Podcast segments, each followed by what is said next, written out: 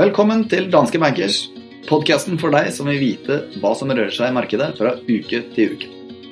Mitt navn er Fredrik Ask Stensrud, og nå er eh, tydeligvis høsten kommet. Eh, vår sjefstrateg Christian Lie han har fått manflu pga. utstrakt eh, trekk på anklene og kan ikke være med oss her i dag. Men det er ingen grunn til å fortvile. Vi har med oss eh, sjeføkonom Frank Julum. Velkommen, Frank. Takk for det. Som du kanskje vet, så pleier jeg å presentere litt eh, fakta om noen land før vi eh, setter i gang sendingen. Eh, hvilket land vil du høre noen fakta om i dag? Nei, ta litt om Kina, da. Kina skal jeg klare å ta litt om. Eh, visste du at Kina er verdens største eksportør og verdens nest største importør av alle varer? Og at det er ca. dobbelt så mange røykende barn i Kina som det er folk i Irland.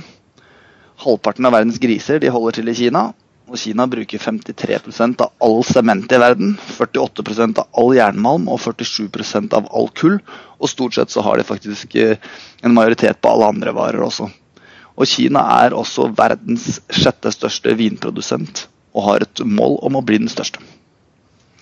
Og Det kan jeg da fortelle om Kina. Kan du fortelle meg hva som har skjedd denne uken her, Frank? Ja, det har jo vært eh, litt bedre risikosentiment. Eh, først og fremst fordi det ikke har vært så mye dårlige nyheter som det har vært de siste par ukene, så ting har roa seg litt ned. Eh, ellers så har det vært veldig fokus på at vi nå på onsdag og torsdag passerte tidspunktet der vi har hatt det lengste bullmarkedet i aksjemarkedet i historien. Så det har vært litt fokus på at den berømte yield-kurven, altså rentekurven, blir enda flatere. Og så må jeg jo legge til at i Norge da, så fikk vi veldig oppløftende signaler fra det som kalles oljeinvesteringstellinga, der eh, oljeselskaper som opererer på norsk sokkel, gir anslag for hva investeringsnivået skal være i 2018 og 2019. Og det så veldig bra ut. For å starte opp da med litt bedre risikosentiment, så er det ikke så veldig mye som har skjedd. Eh, det som sagt så er det viktigste egentlig at det har vært fravær av negative nyheter. Det har vært veldig uh, mye negative nyheter både fra handelskonflikten mellom USA og Kina, og ikke minst uh, nye sanksjoner mot Tyrkia og Russland og Iran i siste, som har gjort at emerging markets-økonomien har kommet under press, sånn som du og Kristian snakka om forrige uke.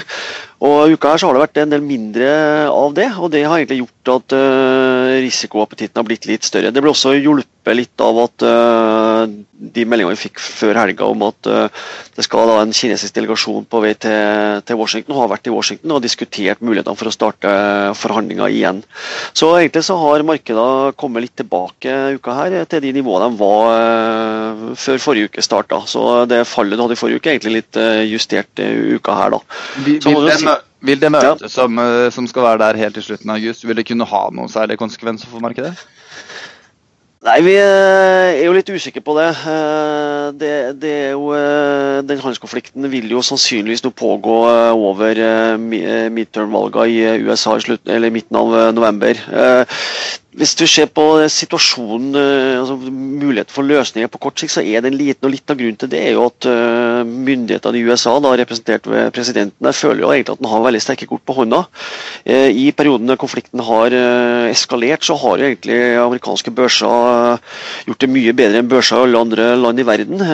Veksten har vært veldig sterk, arbeidsmarkedet er veldig stramt. Mens du ser da helt klare tegn til en avmatning i Kina. Så jeg tror liksom presidenten i, i, USA og myndighetene i USA kanskje litt, litt bredere føler vel egentlig at uh, de kanskje er på nippet til å klare å presse kineserne til å gjette. da. Men uh, våre analytikere har veldig liten tro på at uh, det vil være en strategi fra, fra Beijing. Ja. Ja, ja, ok. Over til lengste bullmarked i historien. Ja, sant? vi passerte jo nå da var det 4334 dager med, med bullmarked i, i, aksjemarkedet. Det lengste, mark, lengste bullmarkedet i historien. Og Det gjør jo selvfølgelig at investorer blir eh, nervøse. Det har vært veldig mye snakk om her, at det her er den lengste eksplosjonen eh, vi har hatt eh, hvert fall etter andre verdenskrig, og at det kan være et signal om at det begynner å nærme oss slutten. Og Det er vi jo enig i. Vi har jo sagt det en, en stund at de siste tre-fire åra har jo eh, markedet blitt veldig drevet av, eh, av sentralbanktiltak. altså Veldig lave renter, negative renter og store obligasjonsoppkjør og, og, og, kjøp av andre aktiva, som har da gjort at risikoappetitten og likviditeten i markedet har vært veldig god. Så har vi sagt at ja vel, nå har vi begynt å ente, komme inn i en ny fase der sentralbankene gradvis begynner å ta bort punchbollen, for å kalle det og det gjør at vi begynner å nærme oss slutten på den oppgangen.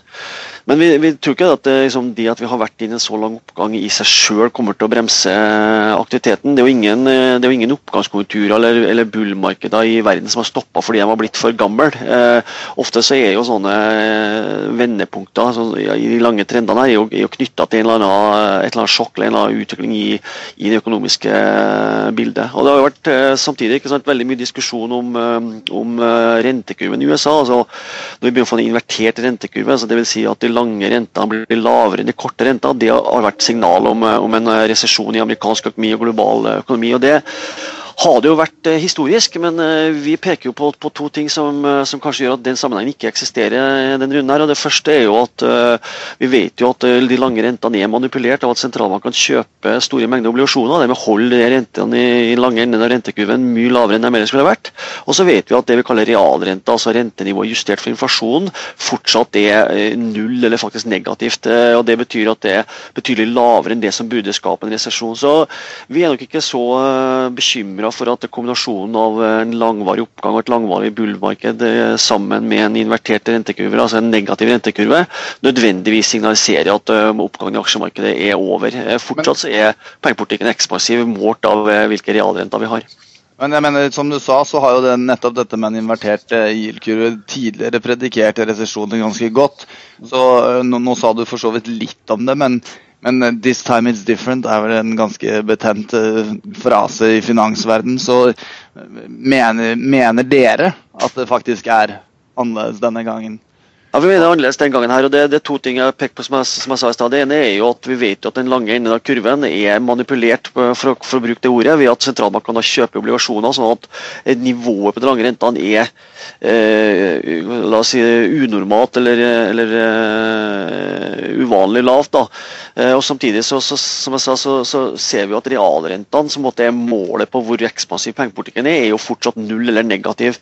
Og Vi ser jo også at, eh, at veksten i økonomien holder seg godt godt over trend. Så, så, det er de to tingene egentlig. Vi vet at lange renter er, er kunstig lav. Vi vet at realrentene er lavere enn normalt. Og det gjør at vi tror at this time it's uh, different, uh, faktisk. Og så må jeg jo legge til det at uh, det med at yield-kurven historisk har vært en sånn varsel om resesjon, er jo litt overdrevet. Det, det, har vært sånn i perioder. Hvis du ser på yield-kurven f.eks. fra finanskrisen og fram til 2015, så har jo sammenhengen vært motsatt. Da har jo faktisk en negativ yield-kurve gitt høyere BNP-vekst. og det har vært fordi at, nettopp fordi at sentralbanken da har stimulert økonomien gjennom å holde de lange rentene unormalt lav, og det har gitt en sterk vekst i økonomien. Så hvis vi prøver å, å, forske på det, for å kalle det og, og teste sammenhengen mellom GIL-kurven og, og, veksten og utviklinga i aksjemarkedet de siste ti åra, så finner jeg faktisk at sammenhengen er motsatt, at en negativ GIL-kurve har gitt sterkere vekst. Okay, så ganske confusing. Og hvis vi da i tillegg neste uke da får litt svake inflasjonstall sammen med svakere ledende indikator, så er eh, confusion komplett.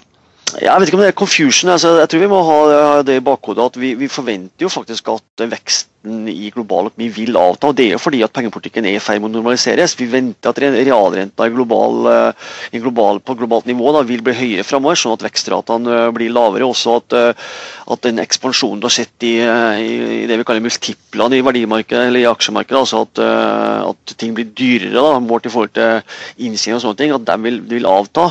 Men, men, det betyr ikke at vi nødvendigvis går i en resesjon i amerikansk økonomi før vi ser realrenta som er betydelig høyere enn det vi har i dag.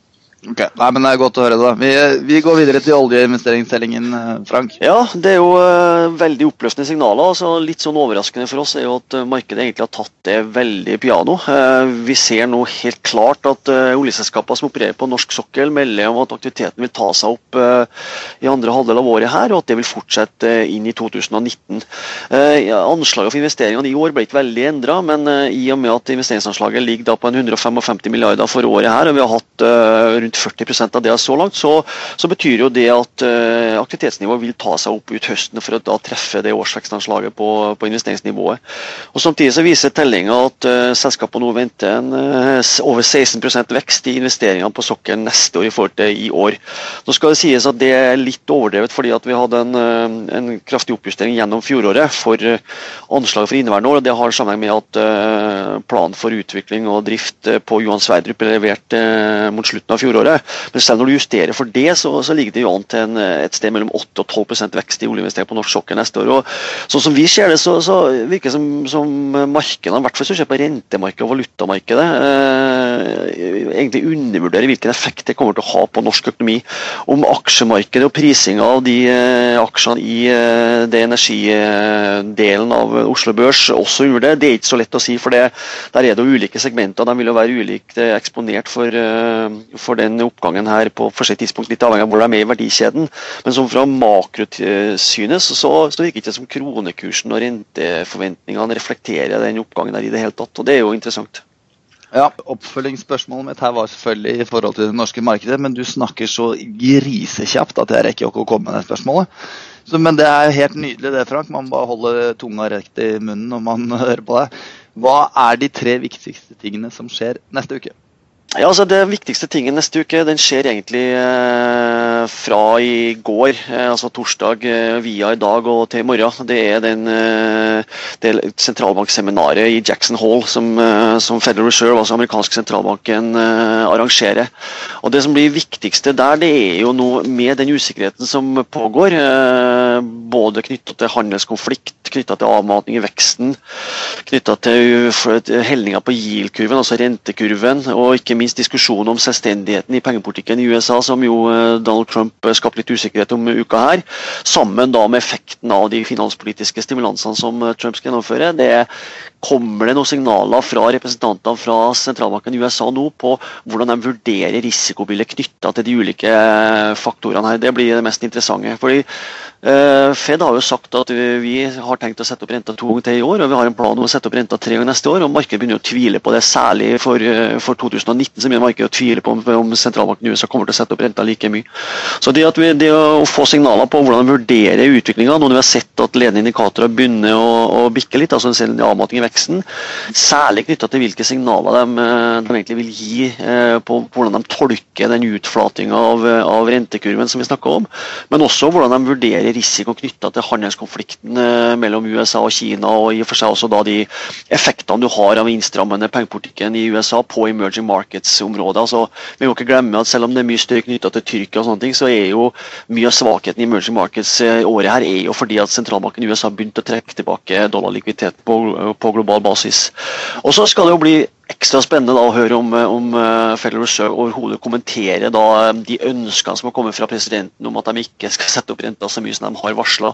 Altså den diskusjonen om hvorvidt noe uh, Federal Reserve er under politisk press eller ikke. Så Det blir uh, kanskje den, viktigste nyheten. og Det er jo ikke egentlig neste uke, men det blir i hvert fall da kommer til å få nyhetene fra det etter markedet i Norge stenger i dag. Så får vi da PMI-tall fra Kina på fredag, som vi har nevnt her nå som også det, du og Kristian har vært inne på et par ganger, så, så, er det jo klare tegn til en avmating på, på vei i Kina. Det har ikke bare med handelskonflikten med med USA å gjøre, men det har også det har litt med dollarlikviditeten altså knytta til, til innstramminga fra Federal Reserve å gjøre. Men det har også med at kineserne eh, ganske aktivt de siste par åra har stramma til penge- og finanspolitikken for å unngå en kredittboble. Det vi tror det er jo at uh, hvis den konflikten her eskalerer og du ser ytterligere svekkelse i kinesiske tall, så vil jo faktisk kinesiske myndigheter nå begynne å stimulere økonomien. og Det har vi allerede sett. De har letta på pengepolitikken, de har også gitt signal at de kommer til å lette på finanspolitikken utover. og, og Det pleier egentlig å ha en ganske betydelig effekt på, på veksten innad i Kina, og, og, kan komme til å bety eh, positive bidrag f.eks. på råvareetterspørselen eh, på det globale markedet. Eh, den tredje tingen som kanskje ikke er så interessant, men, men det er at vi, vi, får inflasjonstall fra USA på, på, torsdag klokka halv tre. Det er det som kalles for, for PCE-inflasjon, altså mer, mer underliggende inflasjon som, som, kommer fra, fra detaljhandelsstatistikken.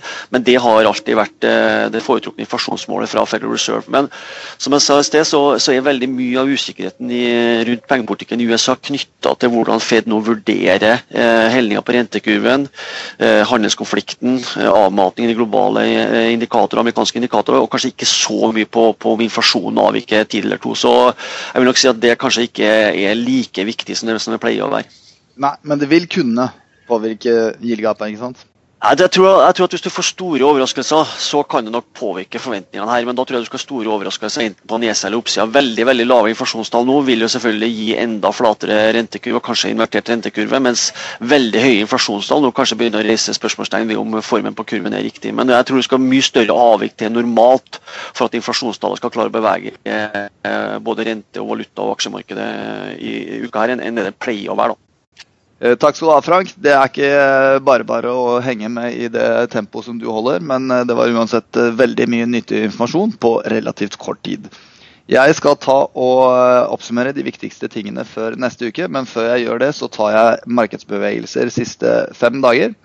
OECBX opp 2,1% SMP 500 i USA opp 0,6% Eurostock 600 opp en halv prosent, og oljeprisen opp 4,5 de viktigste tingene som skjer i neste uke, det er det er Jackson Hole, som starter nå for så vidt på torsdag og avslutter på lørdag. Så får vi PMI-tall fra Kina på fredag klokken tre om natten. Og så får vi inflasjonstall fra USA på torsdag klokken halv tre. Det var alt vi hadde i denne episoden av Bankers. Vi høres igjen neste uke.